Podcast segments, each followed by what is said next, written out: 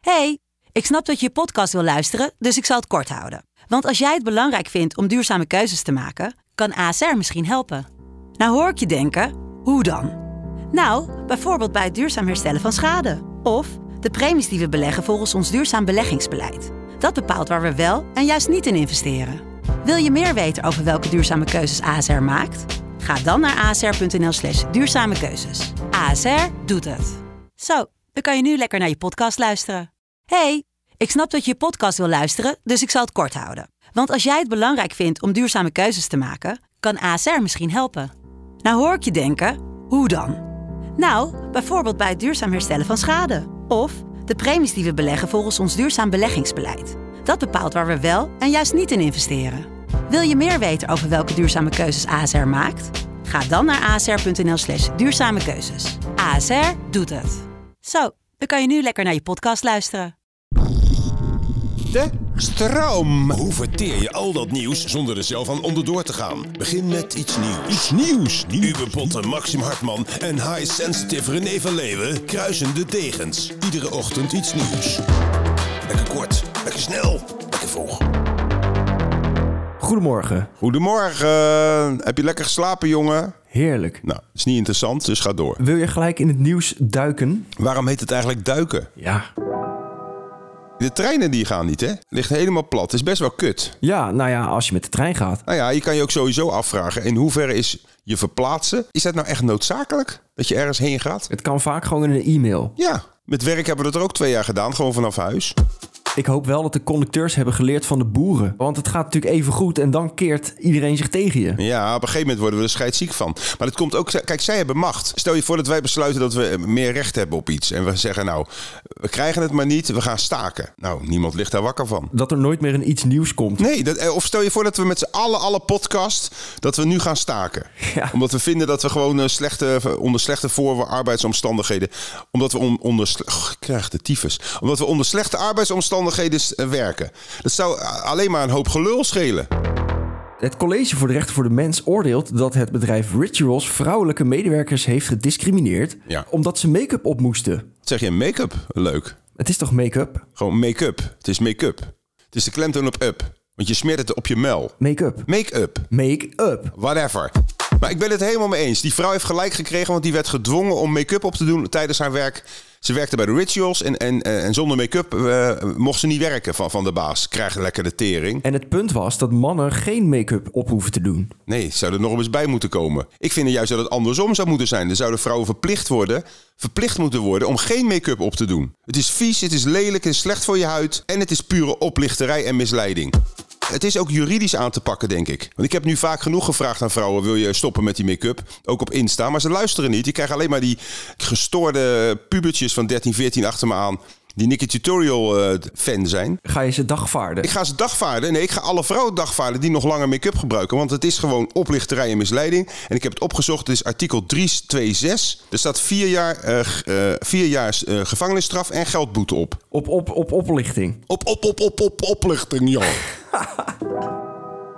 Spits Brobby, dat was eigenlijk al dit weekend, maar die kreeg eh, gisteren bloemen omdat er bij Utrecht apengeluiden en oerwoudgeluiden werden gemaakt naar hem. Ja, zo ongelooflijk sneu. Die, dat zijn dan supporters. Ze zijn zo achterlijk, maar goed, daar zeg ik niks nieuws mee. Je, je, je zou bijna medelijden met ze krijgen. Ja. Of, of je kan de andere kant doen. Je kan ze hun, hun stemrecht afpakken. En, en eh, ook hun werkgever inlichten. Want er zijn gewoon camerabeelden van. En dan ook eh, geen uitkering geven. Had je gehoord hoe Brobby zelf erop reageerde? Nee. Wat vind je daarvan? Wat doet dat met jou? doet me niet zoveel. hoor. Het is- Echt niet? Nee, het is hun probleem toch. Misschien krijgen ze wel een boete, dus eh, mij boeit het niet zoveel. is heel sterk, hè? Kijk, het is natuurlijk het is verschrikkelijk als ze apengeluiden maken. Maar als je gewoon denkt, het boeit me niet. Ja, dan haal je ook de angel eruit aan bij die gasten. Want die denken dat, je hem, die denken dat ze die Brobby uit, hun- uit zijn evenwicht gaan halen. Dat hij daardoor gefrustreerd raakt of, of verdrietig. Hij liep als winnaar van het veld af. Hij is, een heel ster- hij is ook een heel sterk gastie, hoor. Ik vind het een mooie speler. Ik vond wel dat die eh, reporter wel een beetje zat te vissen. Ik heb nog een klein stukje. Eh, dit is natuurlijk eh, ja, gedrag van, van een heel laag niveau. En daar wil je je van distancieren, dat begrijp ik ook. Maar aan de andere kant kan, het ook, kan ik me ook voorstellen dat, dat het gewoon beledigend is. Is ook een belediging, maar ik trek me er helemaal niks van aan. Dus ja, nogmaals, het boeit me niet. Hoezo moet Brobby zich distancieren? Waarom? Hij moet helemaal niks. Nee, precies. Hij kan er niks aan doen. Dus slaat helemaal nergens op die, die kutverslaggever. Ik had nog bedacht een andere straf. Ken je dat? eh, dat je, heb je wel eens op voetbal gezeten? Ja, ik was keeper. Oh ja, nou, als je het lulletje bent, moet je voorover staan op de doellijn. Met je kontje naar eh, zeg maar de spelers toe. En dan schieten ze kaart op je kontje, weet je nog? Kontje branden, ja. kontje branden. Maar nu zou je ook balletje branden kunnen doen. Dus die, spelen, die eh, supporters die eh, oerwoud en apengeluiden hebben gemaakt... die moeten wijdbeens in de doellijn gaan staan. En dan mag Bobby zo hard mogelijk hun balletjes eraf schieten. Tot ze helemaal blauw zijn. De lancering van de NASA-raket naar de maan, de Artemis, Ja. is mislukt. Maar we zijn toch nog nooit echt op de maan geweest? Dat was toch fake? Maxime Engel, hallo? Houston? Ga even de lambada dansen, jongens.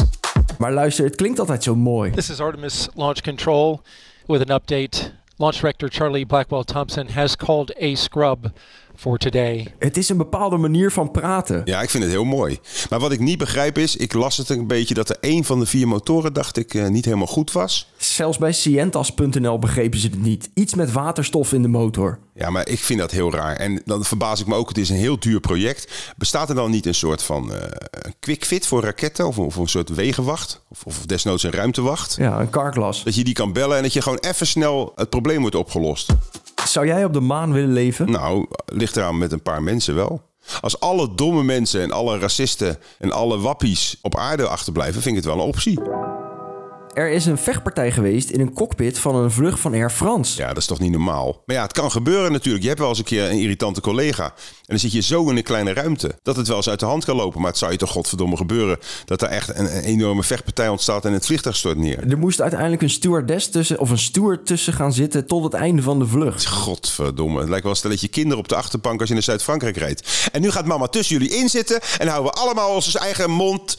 En dan blijf je bij je eigen speelgoed. René, ik had ook nog nieuws. Ja. Jij begint altijd met die grote dingen, maar ik had ook iets nationaals of iets regionaals eigenlijk. Ja. De bereikbaarheid van Ameland, je weet wel, dat Waddeneiland. Zeker. Dat komt in de problemen omdat door, weet ik veel, zand of zoiets, slipt dat dicht. En dat moet dan elke keer, eh, zeg maar, die vaargeul moet leeggebaggerd worden. Anders kan die veerboot er niet meer doorheen. Ja, klopt. En het kost, eh, soms kan het binnen 24 uur weer helemaal dichtgeslipt zijn. Dus eigenlijk is het vechten tegen de bierkaai. Dat geeft zowel de baggeraar toe eh, als de veerbootkapitein. Ja. Dus toen zat ik te kijken als buitenstaander. Toen dacht ik, waarom laten we dat niet gewoon dichtslippen? En dan- hoef je ook heel die kutveerboot niet meer te nemen. Dan kan je gewoon gaan fietsen of wandelen naar Ameland. Hartstikke leuk. En dan krijgen we weer meer land erbij. Laat gewoon dat land aanslibben en aanslibben. Hebben we meer ruimte, meer ruimte om te bouwen. Geen stikstofgelul. Maar hoe moeten de toeristen dan met de boot naar Ameland? Dat is toch onderdeel van de lol? Ja, die is dan weg. Dat was het alweer? Zeker. En hoe ziet het weer eruit? Want ik vind dat je erg makkelijk eraf maakt met het weer. Ja, je stuurt mij zoveel onzin, dan vergeet ik het weer. je vergeet het weer weer. Even kijken hoor, het weer van nee, maar Nederland. kom op. Doe eens even. 25, 25 graden. Dat is best lekker, toch? Ga je nog wat leuks doen vandaag? Ik ga sporten. Veel succes. Dag. Tot morgen. Dag. Dit was Iets Nieuws. Tot morgen.